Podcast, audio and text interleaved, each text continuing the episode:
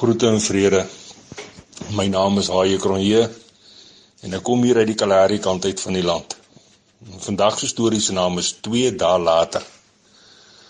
Maar voor ons begin, Markus 11 se 24ste versie sê: Daarom verklaar ek vir julle, alles wat julle in die gebed vra, sal julle ontvang, mits julle God daarmee vertrou. 'n Onbekende Toyota ry nou pad stadig en soekend binne. Ek was buite besig om nuut geplante appies dorings nat te maak toe hulle my raak sien en nader kom. Die groet is formeel en toe begin die groot gesels. Eers deur die venster en daarna op die stoep met 'n koffie in die hand en steeds is dit einde nuut. En kort voor lank sit almal van ons om die kostafel. Gelukkig is daar tussen die gekuier en die gesels en gekou aan die sonoonse kos daarom nog so 'n stukkie stilte ook.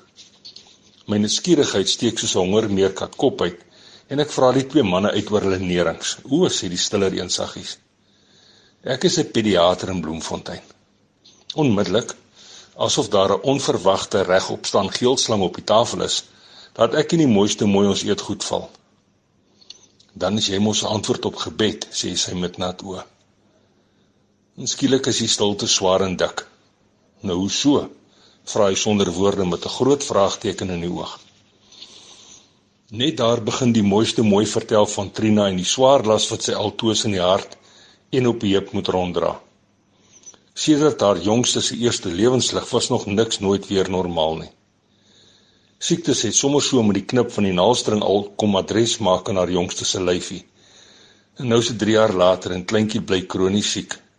Niemand kan of wil regtig help nie daarmee saam praat en skinder wrede gevoellose mense goed aanhoudend oor Trina se familie. Dis nie die dapperstes wat haar openlik bespot en uitkoggel omrede sy al ewig haar gebreklike kind in 'n kombersie toedraai en oral heen ronddra. So die ronddra dae weke geword. En die weke het maande geword. En maande het jare geword. En skielik voel 3 jaar soos 'n ewigheid. 'n passievolle mooiste mooi vertel van vrees, vertwyfeling en 'n soeke in die jong moeder se hart. Trina het juis 2 dae gelede nuus gebring dat hulle weer by die staatshospitaal was. 'n Jong dogtertjie daar het net gesê kleintjie sal nooit kan loop nie.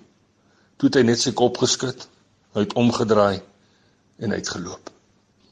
Die stil een sit roerloos en luister aandagtig na die mooiste mooiste vertelling. 'n Blink nattigheid omring sy liefdevolle kykers terwyl hy haar woorde oordink. Ek het nou wel nie my toolbox hier nie sê. Maar dink julle die mamma sal omgee as sy kleintjie ondersoek? Terwyl sy woorde dawerend in ons harte ego, maak die genade was stof toe na Trina en kleintjie. Vroeg maandagooggend klop Trina aan die voordeur. "Ai mevrou," groet sy met die inloop. En so tussen die trane wat vrylik oor haar wange stroom, sê sy: Ek en mevrou dan eergister begin om vader te vertrou vir een van daai spesiale dokters om na kleintjie te kyk. Nou nou die Here 2 dae later op die heilige Sondag so 'n spesiale dokter gestuur. Ja mevrou, hier op Noonieput het die slim dokter vir kleintjie ondersoek. Hy het vir haar hande opgelê, vir haar gebid en gesê sy sal gesond word en sy sal kan loop. So wat 'n maand later stop ons met die genade waar langs Trina se valblynhuisie. Die mooiste mooi klim uit en stap nader. En Trina was op die stoep besig met wasgoed en so raak die twee langs die waskottel aan die gesels. Maar kort kort kyk Trina egter om, voordeur se kant toe. So al asof sy wil hê die deur moet oop. En met 'n gekraak gaan die voordeur stadig oop.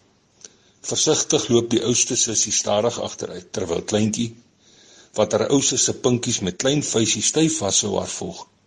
Treetjie vir treetjie waggel sy stadig en gegilind vorentoe. En op daardie oomblik verkondig hierdie klein Kalahari meisietjie met diamantblink oogies en 'n wye oop mond laggie teenoor 'n menigte ondankbare genadeloose skepsels dat vertroue in God se kerelkind alles moontlik maak. Want kleintjie is gesond en kleintjie kan loop. Nou ja, tot 'n volgende keer. Mooi loop en sandkorrel baie seëninge.